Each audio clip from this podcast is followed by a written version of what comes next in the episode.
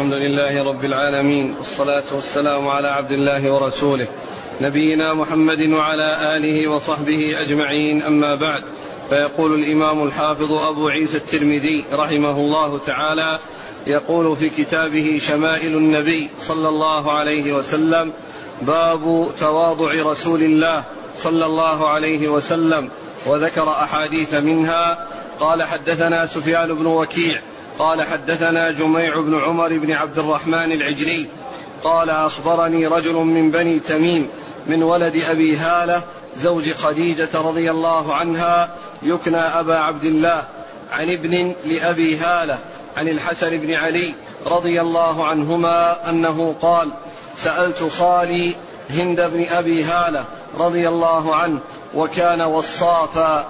عن حليه رسول الله صلى الله عليه وسلم وأنا أشتهي أن يصف لي منها شيئا. فقال كان رسول الله صلى الله عليه وسلم فخما مفخما يتلألأ وجهه تلألؤ القمر ليلة البدر. فذكر الحديث بطوله قال الحسن فكتمتها فكتمتها الحسين زمانا ثم حدثته فوجدته قد سبقني إليه.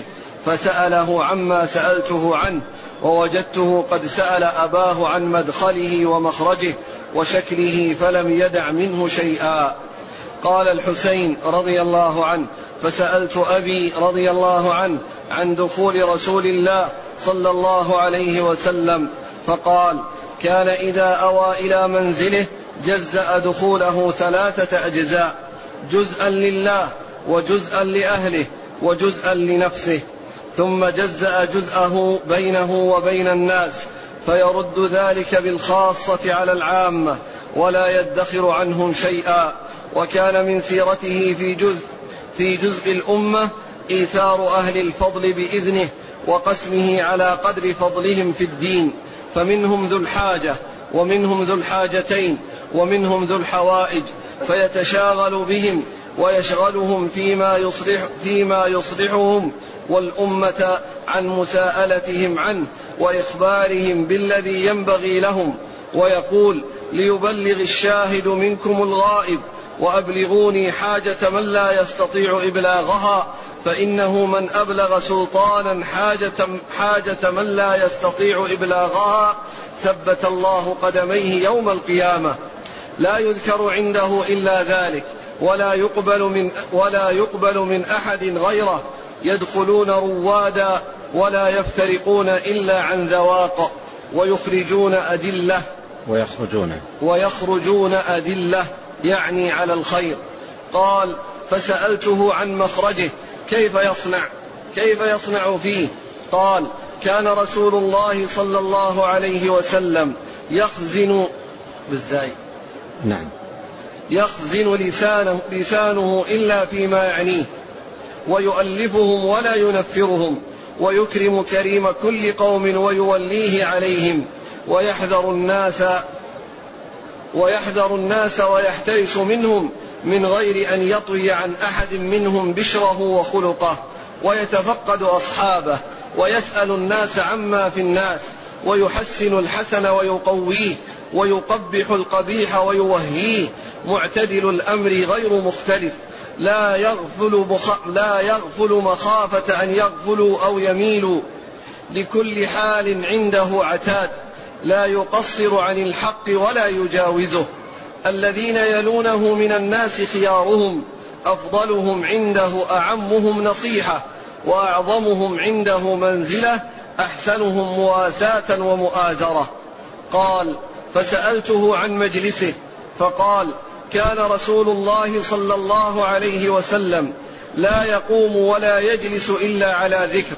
وإذا انتهى إلى قوم جلس حيث ينتهي به المجلس ويأمر بذلك. يعطي كل جلسائه بنصيبه. لا يحسب لا يحسب جليسه أن أحدا أكرم عليه منه. من جالسه أو فاوضه في حاجة صابره حتى يكون هو المنصرف عنه. ومن سأله حاجة لم يرده إلا بها أو بميسور من القول قد وسع الناس بسطه وخلقه فصار لهم أبا وصاروا عنده في الحق سواء. مجلسه مجلس حلم وحياء وأمانة وصبر. لا ترفع فيه الأصوات ولا تؤبن فيه الحرم ولا تثنى فلتاته. متعادلين. بل كانوا يتفاضلون فيه بالتقوى متواضعين يوقرون فيه الكبير ويرحمون فيه الصغير ويؤثرون ذا الحاجة ويحفظون الغريب. الحمد لله رب العالمين وأشهد أن لا إله إلا الله وحده لا شريك له وأشهد أن محمدا عبده ورسوله صلى الله وسلم عليه وعلى آله وأصحابه أجمعين. أما بعد فهذا جزء من حديث هند بن أبي هالة رضي الله عنه وكان وصافا والحديث كما سبق الإشارة حديث طويل جدا والمصنف رحمه الله تعالى جزأ هذا الحديث في مواضع من كتابه الشمائل وقد مر معنا بعض المواضع من هذا الحديث وأيضا سيأتي بعض المواضع منه لاحقا عند المصنف رحمه الله تعالى.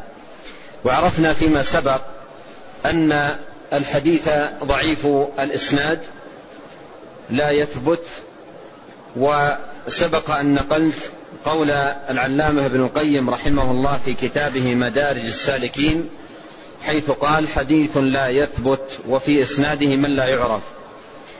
ونقلت أيضا قول المزي رحمه الله في كتابه تهذيب الكمال قال وفي إسناد حديثه بعض من لا يعرف.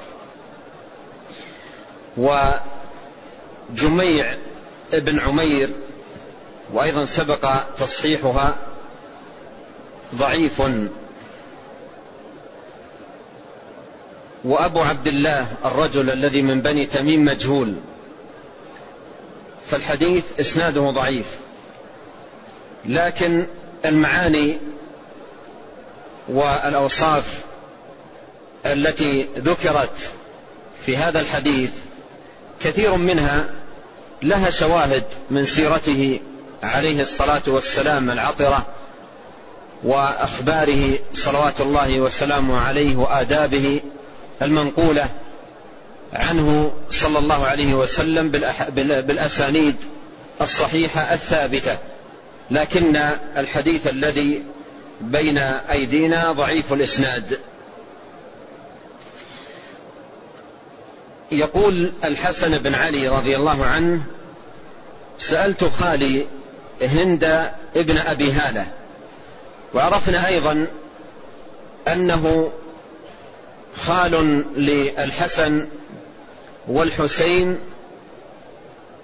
من جهة أن أمه خديجة هي أم فاطمة بنت النبي عليه الصلاة والسلام فهو أخ لخديجة من جهة الأم أخ لخديجة رضي الله عنها من جهة الأم. آه، أخ لفاطمة رضي الله عنها من جهة الأم كل منهما فاطمة وهند كل منهما أمه خديجة. لكن لكن هند رضي الله عنه والده أبو هالة وكان زوج خديجة قبل النبي صلى الله عليه وسلم. وفاطمة أمها خديجة من النبي صلى الله عليه وسلم. فيكون هند رضي الله عنه أخ لفاطمة رضي الله عنها من جهة الأم أمهما واحدة وهي خديجة رضي الله عنها. قال وكان وصافا أي دقيقا في الوصف متقنا مجيدا. عن حلية رسول الله صلى الله عليه وسلم وأنا أشتهي أن يصف لي منها شيئا. فقال كان رسول الله صلى الله عليه وسلم فخما مفخما يتلألأ وجهه تلألؤ, تلألؤ القمر ليلة البدر. وهذه مرت معنا في صدر هذا الكتاب. قال فذكر الحديث بطوله. وهذا فيه إشارة من المصنف رحمه الله إلى طول الحديث وأنه يجتزئ أو ينتقي مواضع منه بحسب الأبواب التي يعقدها في كتابه. قال فكتمتها فذكر الحديث بطوله. قال الحسن فكتمتها الحسين زمانا. يعني لم يخبر أخاه الحسين بسؤاله لهند عن أوصاف النبي عليه الصلاة والسلام. ثم حدثته فوجدته قد سبقني إليه. يعني وجدت أن الحسين سبقني إلى هذا السؤال فوجهه إلى هند بن أبي هالة رضي الله عنه. فسأله عما سألته عنه ووجدته قد سأل أباه وفي بعض النسخ سأل أبي. أي علي بن أبي طالب رضي الله عنه عن مدخله ومخرجه وشكله فلم يدع منها شيئا. أي زاد الحسين بأن سأل علي رضي الله عنه عن مدخل النبي صلى الله عليه وسلم وعن مخرجه وعن شكله. سأله عن هذه الأمور الثلاثة. والمدخل أي دخوله للبيت كيف كيف كان يصنع إذا دخل البيت؟ وكيف يقسم وقته في بيته؟ وكيف كانت معاملته لأهله وأخلاقه معهم؟ والمراد بالمخرج الخروج من البيت وملاقاة الناس. كيف كان عليه الصلاة والسلام يعاشرهم ويعاملهم؟ وعن شكله أي صفته عليه الصلاة والسلام وصفة وهيئة جلوسه للناس صلى الله عليه وسلم. وكل ذلك يأتي جوابه. قال الحسين فسألت أبي عن دخول رسول الله. هذا تفصيل لما سبق. أي دخوله لبيته. قال كان إذا أوى إلى منزله أي إذا دخل بيته جزأ دخوله ثلاثة أجزاء يعني قسم دخوله البيت إلى ثلاثة أقسام. جزءا لله وجزءا لأهله وجزءا لنفسه. جزاءه ثلاثة أجزاء جزءا لله أي يتفرغ للعبادة والصلاة والتهجد. وجزءا لأهله أي لمعاشرتهم ومؤانستهم ومحادثتهم وجزءا لأهله وجزءا لنفسه وجزءا لنفسه. ثم بين ماذا يصنع في هذا الجزء الذي لنفسه. قال ثم جزأ جزءه أي الذي لنفسه بينه وبين الناس. بينه وبين الناس. يعني يستقبل فيه من يأتيه للسؤال وللحاجة فيدخلون عليه في بيته يسألونه في أمور دينهم في أحوالهم آه، همومهم إلى غير ذلك. في هذا الجزء الذي هو جزء له صلى الله عليه وسلم لكنه قسمه بينه وبين الناس فيستقبلهم. قال فيرد ذلك بالخاصة على العامة. يرد بذلك يرد ذلك بالخاصة على العامة. يعني هذا الجزء الذي لنفسه يدخل عليه فيه خواص أصحابه رضي الله عنهم ويسألونه صلى الله عليه وسلم ويتفقهون على يديه. ثم هذا الذي يأخذونه عنه يبلغونه عامة الناس. يبلغونه عامة الناس. فهذا الجزء الذي له عليه الصلاة والسلام يأتيه الخاصة من أصحابه ويسألونه ويعرضون عليه الأمور ثم يبلغون عامة الناس بكلامه صلوات الله وسلامه عليه. قال ولا يدخر عنهم شيئا. لا يدخر عنهم شيئا. إذا سألوه عليه الصلاة والسلام أجابهم ولم يكتمهم شيئا صلوات الله وسلامه عليه فكان معلما امينا وناصحا مشفقا ومبلغا وفيا صلوات الله وسلامه عليه. قال وكان من سيرته في جزء الأمة الجزء الذي خصصه للأمة وللناس إيثار أهل الفضل بإذنه إيثار أهل الفضل أي أهل المكانة والمنزلة والرفعة في الدين والفقه في دين الله يؤثرهم صلى الله عليه وسلم بإذنه وقسمه على قدر فضلهم في الدين وقسمهم وقسمه على قدر فضلهم في الدين. لأنه ذكر فيما سيأتي قال فمنهم ذو الحاجة ومنهم ذو الحاجتين ومنهم ذو الحوائج. والمراد بالحوائج هنا المسائل الدينية. المسائل الدينية والتفقه عليه صلوات الله وسلامه عليه. فكان يقسم على قدر فضلهم على قدر فضلهم في في الدين. علما وعملا وتفقها في دين الله تبارك وتعالى. قال فيتشاغل بهم. يتشاغل بهم يعني يمضي الوقت معهم تفقيها وتعليما.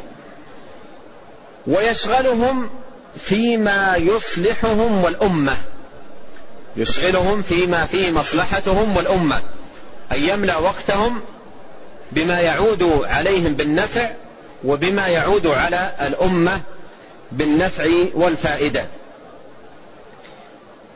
قال من مساءلتهم عنه وإخبارهم بالذي ينبغي لهم أن يفقههم في الدين ويرشدهم ويدلهم صلوات الله وسلامه عليه.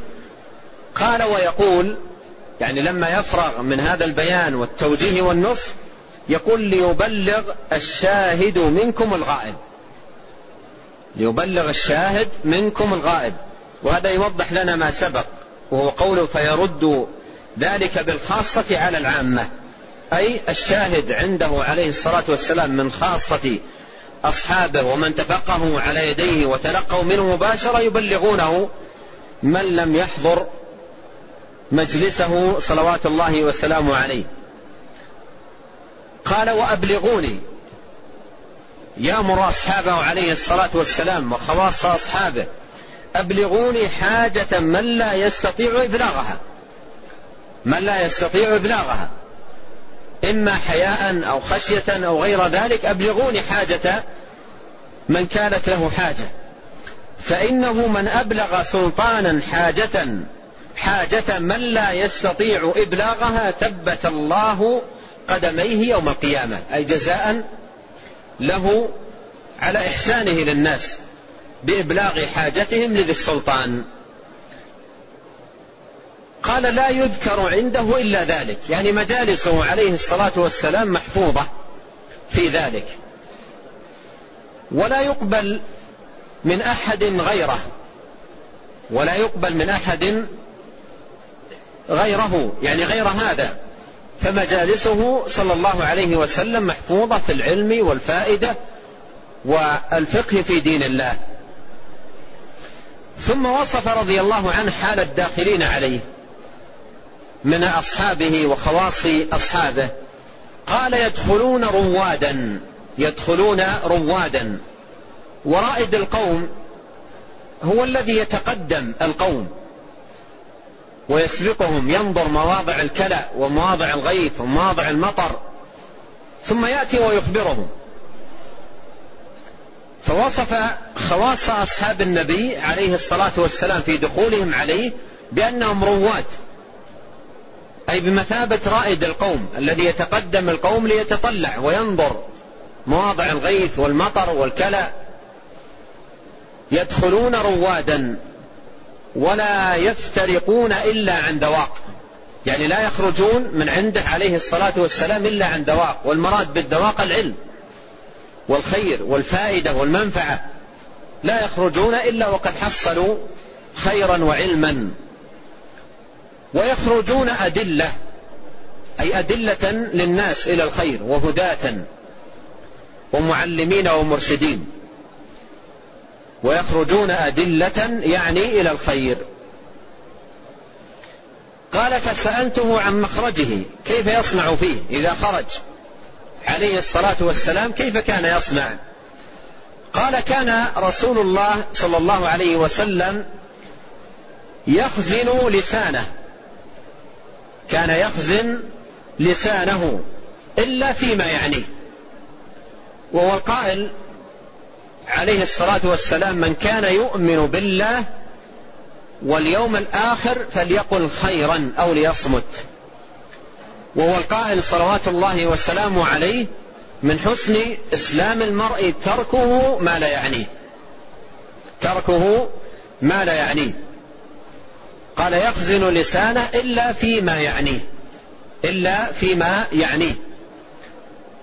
والمراد فيما يعنيه أي في أمر الدين وبيان الهدى وإصلاح الناس وإنكار المنكر وبيان الحق هذا كله مما يعني النبي عليه الصلاة والسلام. أقول ذلك لأن بعض الناس يخطئ في فهم قول النبي صلى الله عليه وسلم من حسن إسلام المرء تركه ما لا يعنيه. فيضع بعضهم الحديث في غير موضعه. مثل إذا رأوا رجلا ينصح غيره أو ينكر منكرا. يوردون يورد بعضهم الحديث في هذا المقام. يقول من حسن إسلام المرء تركه ما لا يعنيه. وهذا من من الخطأ في الفهم. لأن مراد النبي صلى الله عليه وسلم ما لا يعنيه أي في أمر أمر دينه. وإن مما يعني المسلم في دينه الأمر المعروف والنهي عن المنكر. هذا أمر يعني المسلم ويهتم به المسلم وهو محل عنايته. فبعض الناس يضع الحديث في غير موضعه. يضع الحديث في غير موضعه. ولهذا قال أهل العلم معنى قوله عليه الصلاة والسلام من حسن إسلام المرء تركه ما لا يعنيه أي بضابط الدين لا بضابط الهوى. بضابط الدين لا بضابط الهوى. ويؤلفهم أن يحرص على التأليف بين أصحابه وجمع قلوبهم وائتلاف كلمتهم ووحدة صفهم على الحق والهدى. ولا ينفرهم. يعني لا يفعل شيئا ينفر. بل كان عليه الصلاة والسلام يتعامل مع الناس المعاملة التي تحببهم في الخير وتدنيهم من الحق والهدى. ولا يفعل أشياء منفرة. ولهذا قال الله سبحانه فبما رحمة من الله لنت لهم ولو كنت فظا غليظ القلب لانفضوا من حولك. قال ويكرم كريم كل قوم ويوليه عليهم. وهذا منه عليه الصلاة والسلام إنزال للناس منازلهم. فإذا جاءه كريم قوم أكرمه وأدناه منه واحتفى به صلوات الله وسلامه عليه. تأليفا لقلبه تأليفا لقلبه وكسبا له ولمن تحته. فكان عليه الصلاة والسلام يكرم كريم القوم يكرم كريم القوم ويوليه عليهم يوليه عليهم. أي أنه عليه الصلاة والسلام إذا جاءه كريم قوم ودعاه إلى الإسلام وأسلم ولاه على قومه. أبقاه على ولايته وسيادته ورئاسته لقومه. ويحذر الناس ويحترس منهم. في حيطة عليه الصلاة والسلام واحتراس من الناس لاختلاف الناس في أخلاقهم وطباعهم وآدابهم وتعاملاتهم منهم الفظ ومنهم الغليظ ومنهم الجافي ومنهم من هو على خلق. فكان عليه الصلاة والسلام يحترس ويحذر الناس من غير أن يطوي عن أحد منهم بشره وخلقه. يعني هو حذر ومحترس صلوات الله وسلامه عليه لكن لا يطوي بشره وخلقه عن أحد. حتى إذا جاءه الرجل السيء المعاملة السيء الخلق الفض الجافي يحذر منه عليه الصلاة والسلام ولكن يلاقيه بالبشر وبحسن المعاملة وبطلاقة الوجه ويتفقد أصحابه يسأل عنهم عن أحوالهم عن صحتهم يعود مريضهم. فكان عليه الصلاة والسلام يتفقد أصحابه. ويسأل عن الناس عما في الناس. يسأل عن أحوال الناس عن أخبارهم عن أمورهم. يهتم لهم صلوات الله وسلامه عليه. ويحسن الحسن ويقويه ويقبح القبيح ويوهيه. عندما يذكرون له الأخبار عليه الصلاة والسلام الشيء الحسن يحسنه ويقويه. ويشد من أزر أصحابه. والشيء القبيح يوهيه صلوات الله وسلامه عليه وينهى عنه ويحذر منه. قال معتدل الأمر غير مختلف. أي أموره عليه الصلاة والسلام ماضية على الاعتدال والسداد والقوام. لا يغفل مخافة أن يغفلوا أو يميلوا.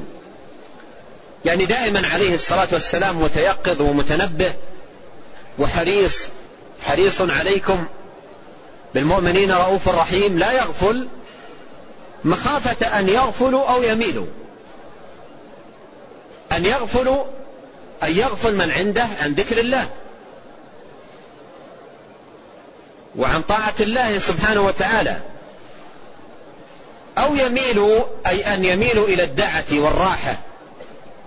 فكان عليه الصلاة والسلام متيقظا منتبها حريصا ناصحا. قال لكل حال عنده عتاد. لكل حال عنده عتاد. أي من حيث مراعاة الأحوال. وما يناسب كل حال من بيان وتوجيه. ودلالة وإرشاد. قال لا يقصر عن الحق ولا يجاوزه. لعلها لا يقصر الله أعلم. عن الحق ولا يجاوزه. أي لا يقصر عن الحق بالنقص منه ولا يجاوزه بتعديه. بمعنى أنه عليه الصلاة والسلام وسط في أمره. وخيار الأمور أوساطها لا تفريطها ولا إفراطها. فلا يقصر عن الحق ولا أيضا يتجاوز الحق. الذين يلونه من الناس خيارهم. الذين يلونه من الناس خيارهم. أي القريبين منه الملازمين له دوما خيارهم أي أعظمهم فضلا وهذا فيه إشارة إلى تفاضل الصحابة رضي الله عنهم وأنهم ليسوا في الفضل سواء.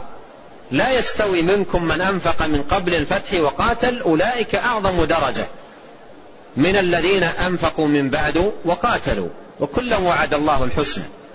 فهم متفاضلون ليسوا في الفضل على درجة واحدة. وأفضل الصحابة رضي الله عنهم على الإطلاق أبو, بص... أبو بكر الصديق رضي الله عنه صديق الأمة ثم عمر ثم عثمان ثم علي ثم بقية العشرة. فالصحابة رضي الله عنهم متفاضلون ليسوا في الفضل على درجة واحدة. قال أفضلهم عنده أعمهم نصيحة. فعادت الفضيلة إلى المكانة الدينية. عادت الفضيلة إلى المكانة الدينية والمنزلة في التقوى وطاعة الله ونصرة رسول الله صلى الله عليه وسلم والذب عن دينه والنصح لعباد الله. أفضلهم عنده أعمهم نصيحة. وقول أعمهم نصيحة أي لله ولكتابه ولرسوله ولأئمة المسلمين وعامتهم.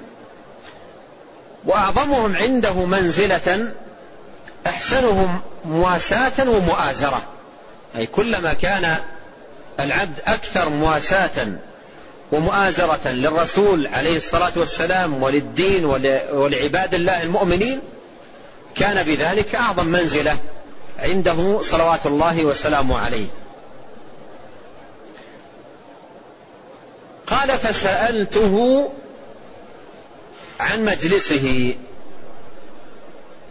من السائل ومن المسؤول؟ من السائل ومن المسؤول؟ السائل الحسين والمسؤول علي رضي الله عنه. جميل. السائل الحسين والمسؤول علي رضي الله عنه. قال فسألته عن مجلسه فقال كان رسول الله صلى الله عليه وسلم لا يقوم ولا يجلس إلا على ذكر.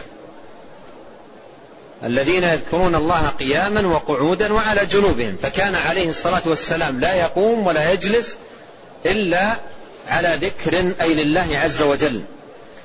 وإذا انتهى إلى قوم جلس حيث ينتهي به المجلس. صلوات الله وسلامه عليه. ويأمر بذلك. يأمر من أتى إلى قوم أن يجلس حيث انتهى به المجلس. يعطي كل جلسائه بنصيبه. يعطي كل جلسائه بنصيبه. يعني من المحادثة من المباسطة من المؤانسة من السؤال عن الحال يعطي كل جلسائه. يعني لا يخص بعض جلسائه بالسؤال عن الحال مثلا. بل كل جلسائه يعطيه بنصيبه. ولا يحسب ولا يحسب جليسه أن أحدا أكرم عليه منه. وهذا راجع للأول. لأن كل جليس من جلسائه يعطيه نصيبه عليه الصلاة والسلام من البشر والمؤانسة والسؤال. فيخرج كل واحد من جلسائه وهو يحس أنه أكرم الجلساء عنده. لا يحسب جليسه أن أحدا أكرم عليه منه. من جالسه أو فاوضه في حاجة صابره. يعني لا يمل عليه الصلاة والسلام من سؤالهم من ذكر حاجاتهم. فإذا جالسه أحد أو فاوضه في حاجة صابره يعني يصبر عليه الصلاة والسلام ويستمع بدون ملل وبدون ضجر. صابره حتى يكون هو المنصرف عنه يعني حتى يكون صاحب الحاجة وصاحب السؤال هو المنصرف. بمعنى أنه عليه الصلاة والسلام لا يقطع عليه حديثا بل يصبر ولا يضجر ولا يمل حتى ينتهي صاحب الحاجة. ومن سأله حاجة لم يرده إلا بها. من سأله حاجة لم يرده إلا بها يعني لم يرده إلا بحاجته. أو بميسور من القول. أو بميسور من القول مثل ما جاء في الآية الكريمة. وإما تعرضن عنهم ابتغاء رحمة من ربك ترجوها فقل لهم قولا ميسورا.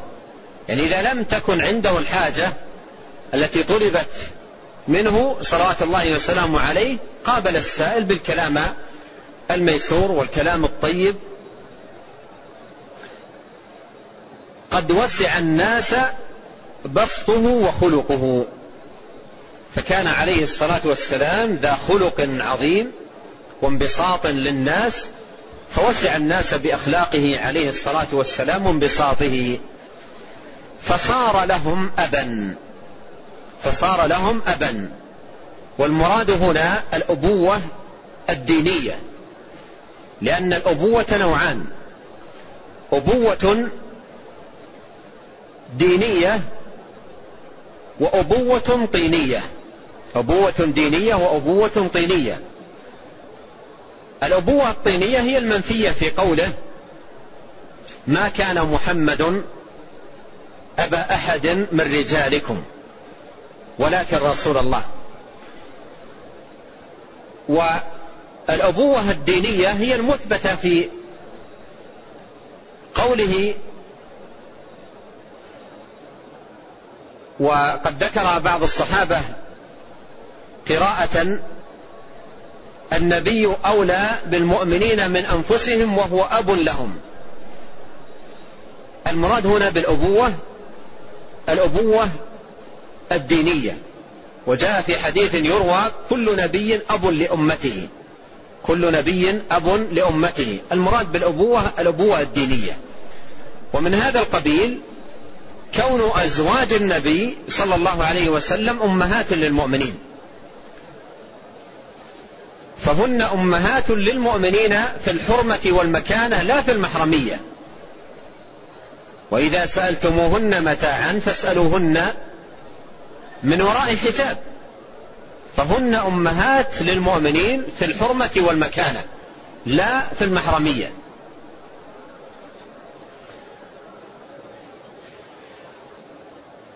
قال فصار لهم أبا أي بمنزلة الأب وبمكانة الأب المشفق الناصح. وصاروا عنده في الحق سواء صاروا عنده في الحق سواء يعدل بينهم ويسوي بينهم وينصف عليه الصلاة والسلام. مجلسه مجلس حلم وحياء وأمانة وصبر. هذه صفاته عليه الصلاة والسلام في تعامله مع جلسائه. يعاملهم بالحلم والحياء كان أشد حياء من العذراء في خدرها والأمانة والصبر.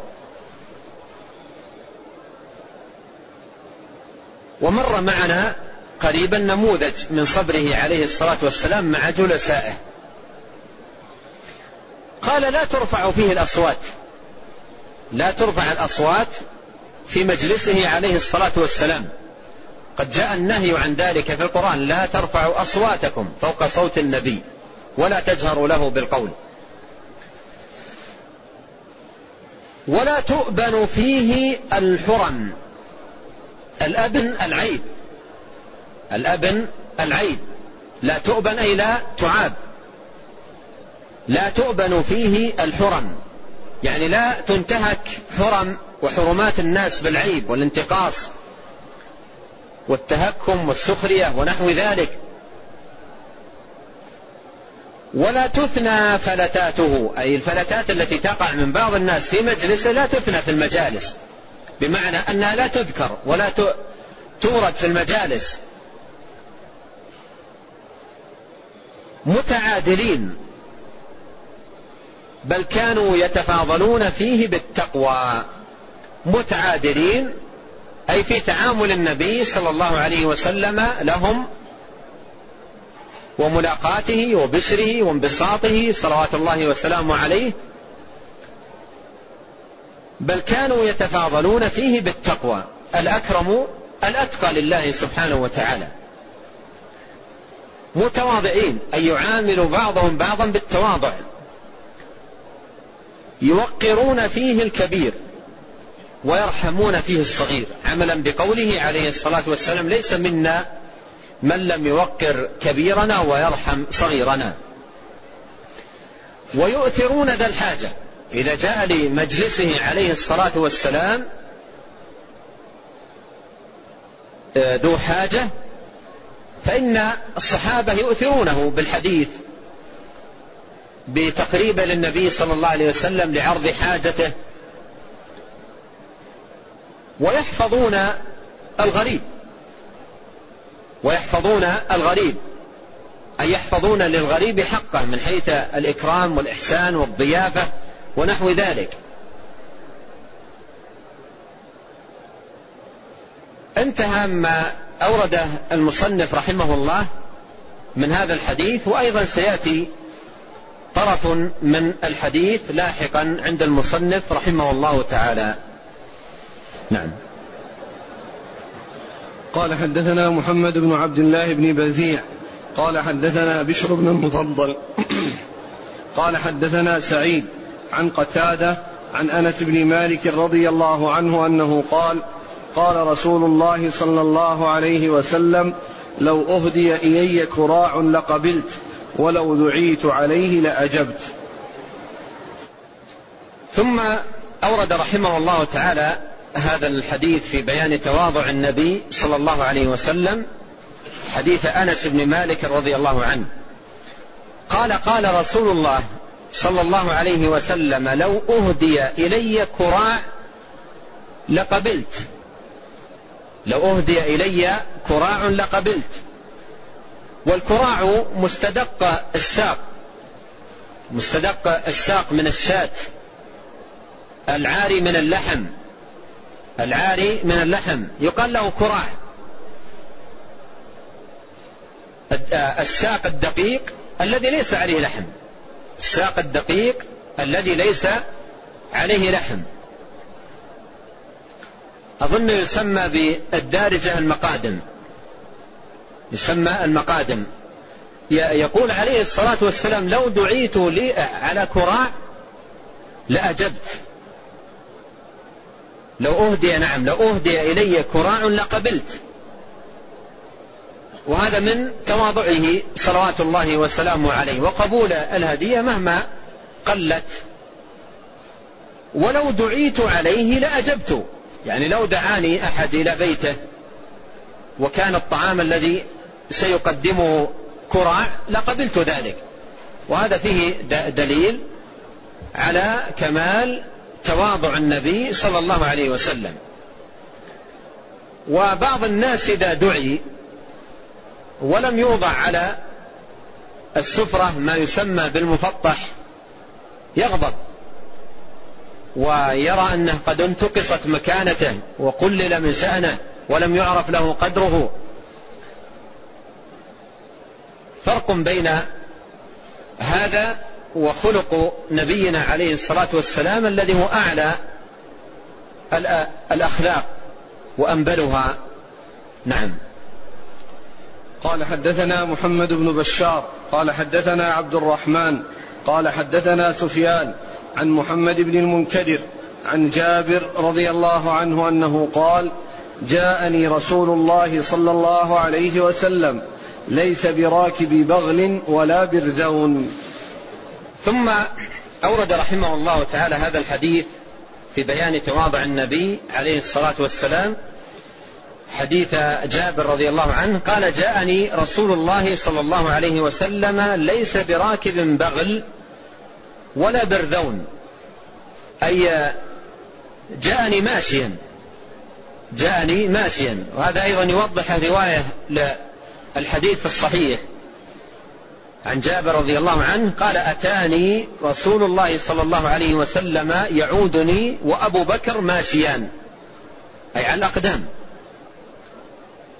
وهذا يبين أنه عليه الصلاة والسلام كان يعود أصحابه. والعيادة هنا لجابر كانت عيادة مريض كان مريضا رضي الله عنه فكان عليه الصلاة والسلام يعود أصحابه يذهب ماشيا ويذهب راكبا. فكان متواضعا. وتخصيصه لهذين المركوبين قال ليس براكب بغل ولا برذون. يعني ما ما كان عندما يريد أن يذهب لعيادة أحد أو زيارة أحد يطلب أحسن مركوب وأجمل مركوب بل يذهب على ما تيسر يركب الحمار يمشي ماشيا على قدميه صلوات الله وسلامه عليه. والبردون قيل في معناه أنه دابة من الدواب يخالف الخيل عظيم الخلقة غليظ الأعضاء. وقيل هو الأفراس غير العربية. وقيل هو الأفراس غير العربية. يقال لها البرذون نعم. قال حدثنا عبد الله بن عبد الرحمن قال حدثنا أبو نعيم قال أنبأنا يحيى بن أبي الهيثم العطار قال سمعت يوسف بن عبد الله بن سلام رضي الله عنه قال سماني رسول الله صلى الله عليه وسلم يوسف وأقعدني في حجره ومسح على رأسي. ثم أورد رحمه الله تعالى هذا الحديث عن يوسف بن عبد الله بن سلام رضي الله عنه قال سماني رسول الله صلى الله عليه وسلم يوسف. يعني لما ولد جاء به إلى النبي عليه الصلاة والسلام وأقعده صلى الله عليه وسلم في حجره وسماه يوسف ومسح على رأسي ومسح على رأسي. والمسح على الرأس فيه ملاطفة. ومؤانسة للصغير. وهذا من آه، بيان تواضع نبينا عليه الصلاة والسلام. يلاطف الصغار ويجلسهم في حجرة ويؤانسهم صلوات الله وسلامه عليه يداعبهم. مثل ما مر معنا يا أبا عمير ما فعل النغير. هذا كله من تواضع نبينا صلوات الله وسلامه عليه. نعم. قال حدثنا إسحاق بن منصور قال حدثنا أبو داود الطيالسي قال حدثنا الربيع وهو ابن صبيح قال حدثنا يزيد الرقاشي عن أنس رضي الله عنه أن رسول الله صلى الله عليه وسلم حج على رحل رث وقطيفة كنا نرى ثمنها أربعة دراهم. فلما استوت به راحلته قال لبيك بحجة لا سمعة فيها ولا رياء. ثم أورد رحمه الله تعالى هذا الحديث حديث أنس بن مالك أن رسول الله صلى الله عليه وسلم حج على رحل رث وقطيفة. كنا نرى ثمنها أربعة دراهم فلما استوت به راحلته أي دابته قال لبيك بحجة لا سمعة فيها ولا رياء. والحديث مضى شرحه في هذه الترجمة والمصنف رحمه الله تعالى أورده هنا من طريق أخرى من طريق إسحاق بن منصور. قال حدثنا أبو داود الطيالسي عن الربيع بالإسناد السابق. نعم. قال حدثنا إسحاق بن منصور قال حدثنا عبد الرزاق قال حدثنا معمر عن ثابت البناني وعاصم الأحول عن أنس بن مالك رضي الله عنه أن رجلا خياطا دعا النبي صلى الله عليه وسلم فقرب منه ثريدا عليه دباء. قال فكان رسول الله صلى الله عليه وسلم يأخذ الدباء وكان يحب الدباء. قال ثابت فسمعت أنسا رضي الله عنه يقول فما صنع لي طعام أقدر على أن يصنع, أن يصنع فيه دباء إلا صنع. ثم أورد رحمه الله تعالى هذا الحديث عن أنس بن مالك رضي الله عنه في بيان تواضع النبي صلى الله عليه وسلم. قال أن رجلا خياطا دعا النبي صلى الله عليه وسلم وهذا فيه إجابته عليه الصلاة والسلام الداعي. ولو كان الداعي من أصحاب المهن أو أصحاب الصناعات أو حائكا أو نحو ذلك يجيب عليه الصلاة والسلام الداعي. قال فقرب منه ثريدا عليه دباء. قرب عليه قرب إليه ثريدا عليه دباء. أي على الثريد دباء. والدباء القرع.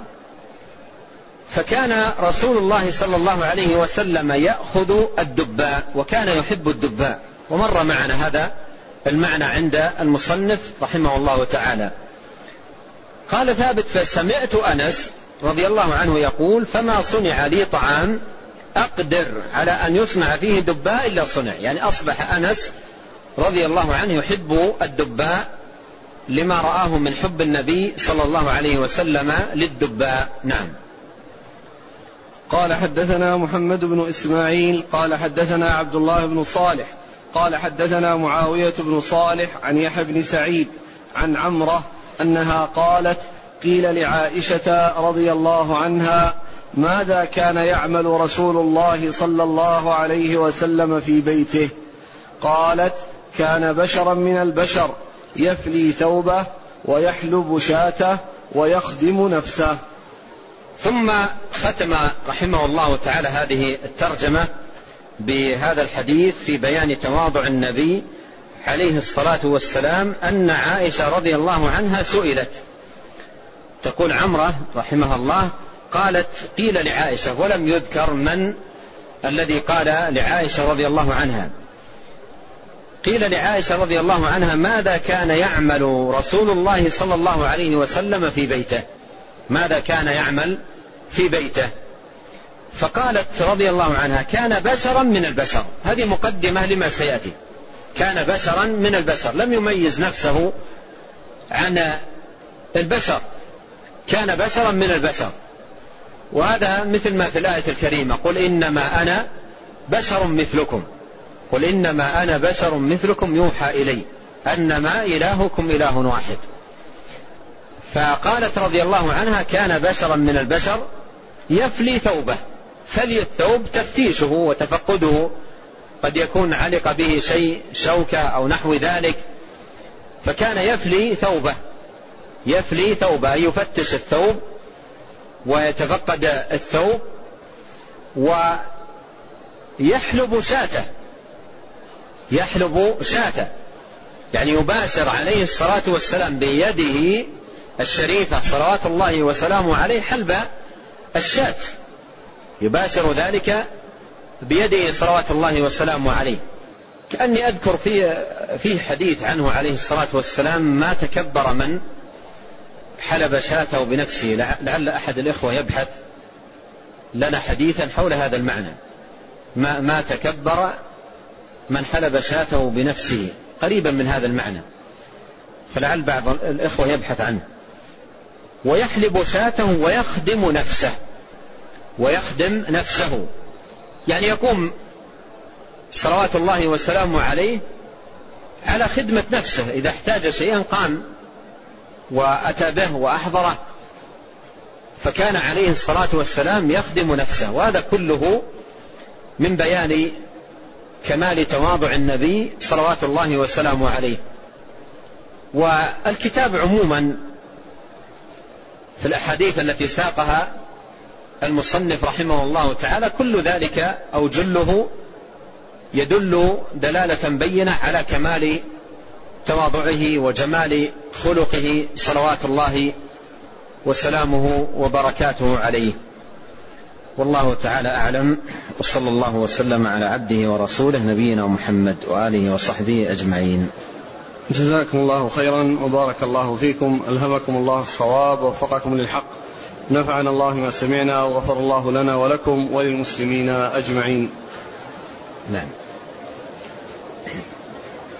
الأخ يقول هل يشرع للمعتمر أن يقول اللهم اجعلها عمرة لا رياء فيها ولا سمعة أم أن هذا خاص بالحج؟ ذكرت هذا بالأمس. ذكرت هذا بالأمس. أن من حج أو اعتمر آه، له أن يقول هذه لا اللهم اجعله حجا لا رياء فيه ولا سمعة ومن حج من حج فحجه كما تعلمون على آه، آه، أو الحج ثلاثة أنساك تمتع والقران والإفراد. والمتمتع يقول لبيك اللهم عمره. والقارن يقول لبيك اللهم حجا وعمره والمفرد يقول لبيك اللهم حجا وكل هؤلاء المعتمر منهم والمفرد للحج والقارن بينهما يشرع له أن يقول هذه الكلمة. اللهم اجعله حجا لا رياء فيه ولا عمرة اللهم اجعلها آه، لا, لا رياء فيه ولا سمعة. أو يقول اللهم اجعلها عمرة لا رياء فيها ولا سمعة فلا بأس بالاتيان بها سواء في الاعتمار أو في الحج. نعم. يقول حفظك الله ما هي الصفة التي يتضمنها اسم الله عز وجل؟ الكبير.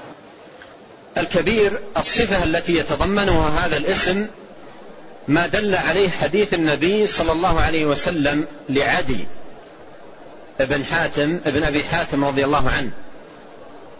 لما كان عليه الصلاة والسلام يدعوه للإسلام. قال يا عدي ما يفرك؟ يعني ما الذي يجعلك تفر من الإسلام ولا تقبل عليه؟ أيفرك أن يقال لا إله إلا الله؟ وهل من إله غير الله؟ يا عدي ما يفرك؟ أيفرك أن يقال الله أكبر؟ وهل شيء أكبر من الله؟ وهل شيء أكبر من الله؟ فاسمه سبحانه وتعالى الكبير يدل على أنه عز وجل لا أكبر منه. يدل على أنه سبحانه وتعالى لا أكبر منه. وهل شيء أكبر من الله؟ كما قال نبينا عليه الصلاة والسلام. نعم. أحسن الله إليك. يقول من أذنب ذنبا في ليل رمضان مثل النظر إلى النساء فهل هذا يفسد صومه بالنهار؟ هذا يضعف أجره وحظه ونصيبه من بركات شهر الصيام. من بركات شهر الصيام. وإذا ابتلي بشيء من ذلك عليه أن يتوب إلى الله سبحانه وتعالى من ذلك. لأن مصيبة النظر الحرام لا تكون في وقت النظر فحسب بل أحيانا تبقى النظرة المحرمة في هاجس الإنسان وفي خاطره وقتا طويلا تتوارد على قلبه وتجول في خاطره وتحرك في قلبه معان سيئة. فقد تكون النظرة للحظات لكن التوابع التي تتبع النظرة في التأثير على القلب وإدخال أنواع من الأمراض عليه قد تطول بالعبد. قد تطول بالعبد وقد تكون نظرة مهلكة للإنسان غاية الهلاك. فالنظرة التي بالليل قد تبقى توابعها في النهار. قد تبقى توابعها في النهار وتستمر فتؤثر على الإنسان في ليله وفي نهاره في ليله وفي نهاره. فبدل أن يكون في النهار منشغلا بذكر الله بدل أن يكون قلبه منشغلا بذكر الله يكون قلبه منشغلا بتلك النظرات الآثمة. ولهذا يجب على الإنسان أن يصون شهره في لياليه وأيامه. في لياليه وأيامه. في الليالي جاء في الحديث أن لله سبحانه وتعالى منادي كل ليلة. من ليالي رمضان يا باغي الخير أقبل ويا باغي الشر أقصر في رواية أمسك. وهذا فيه دلالة على صيانة الليل من الآثام ومقارفة المعاصي والذنوب. والنهار جاء في الحديث من لم يدع قول الزور والعمل به والجهل فليس لله حاجة في أن يدع طعامه وشرابه. فالواجب على المسلم أن يصون شهره كله بلياليه وأيامه وأن يجاهد نفسه على حفظ الشهر وملئه بالخيرات والطاعات والعبادات وأنواع القربات والناس يتفاوتون في الخير قلة وكثرة وأيضا يتفاوتون في الشر. وتجد من الناس من يكرمه الله سبحانه وتعالى أن جل همه في رمضان النظر في المصحف. ويجد لذلك طعما ولذة وهناء. ومن الناس من يفتح المصحف للحظة أو لدقائق أو صفحة أو صفحتين ويمل. من المواصلة مع القراءة. ومن الناس لا يهتم بالقراءة أصلا ونفسه تميل إلى أمور أخرى. فعلى العبد أن يحاسب نفسه وأن يتفقد حاله وأن يغنم بركات هذا الشهر وأن لا يخرج الشهر وهو محروم. لا يخرج هذا الشهر وهو محروم من خيراته وبركاته. نعم. قال صلى الله عليه وسلم من صام رمضان إيمانا واحتسابا غفر له ما تقدم من ذنبه. فكيف يتحقق هذان الشرطان؟ يتحقق هذان الشرطان بالمجاهدة مجاهدة النفس على تحقيق الإيمان والاحتساب. تحقيق الإيمان بالله تبارك وتعالى وبما أوجبه وفرضه سبحانه وتعالى على عباده واحتسابا أي للأجر والثواب الذي أعده الله سبحانه وتعالى للصائمين. وقد قال جل وعلا في الحديث القدسي الصوم لي وأنا أجزي به. الصوم لي وأنا أجزي به. فيحتسب العبد. آه، أجر صيامه ثوابا عظيما وأجرا جزيلا عند الله سبحانه وتعالى. نعم. يقول أحسن الله إليك ما معنى سبحان الله وبحمده؟ هذه الكلمة جمع فيها بين التسبيح والتحميد. جمع فيها بين التسبيح والتحميد. سبحان الله وبحمده. فجمع فيها بين تسبيح الله جل وعلا وتحميده. والتسبيح معناه تنزيه الله تبارك وتعالى عما لا يليق به وعن مماثلة المخلوقات. والتحميد فيه الثناء على الله بإثبات الكمال له جل وعلا. ولهذا فإن قول القائل سبحان الله والحمد لله أو قوله سبحان الله وبحمده جمع في هذه الكلمة بين الأصلين اللذين يقوم عليهما توحيد الأسماء والصفات. لأن توحيد الأسماء والصفات يقوم على الإثبات بلا تمثيل والتنزيه بلا تعطيل. والإثبات في الحمد والتنزيه في التسبيح. فجمعت هذه آه، الكلمة العظيمة على جمعت بين تنزيه الله جل وعلا وإثبات الكمال له سبحانه وتعالى. نعم. يقول بارك الله فيك يا شيخ أنا طالب في مدرسة ومن قوانين هذه المدرسة حلق اللحية. فماذا أفعل يا فضيلة الشيخ؟ وأنا محتاج إلى هذه الشهادة. يقول عليه الصلاة والسلام خالفوا المجوس قصوا الشوارب واعفوا اللحى في رواية وفروا اللحى وفي رواية ارخوا اللحى وفي رواية اسدلوا اللحى فاللحية إعفاؤها واجب وحلقها حرام. إعفاؤها واجب وحلقها حرام. لا يجوز للمسلم أن يحلق لحيته. وإذا كان من قوانين المدرسة التي ترغب في أخذ الشهادة منها حلق اللحية فلا خير في شهادة تبنى على هذه المخالفة ومن ترك شيئا لله عوضه الله خيرا منه. نعم.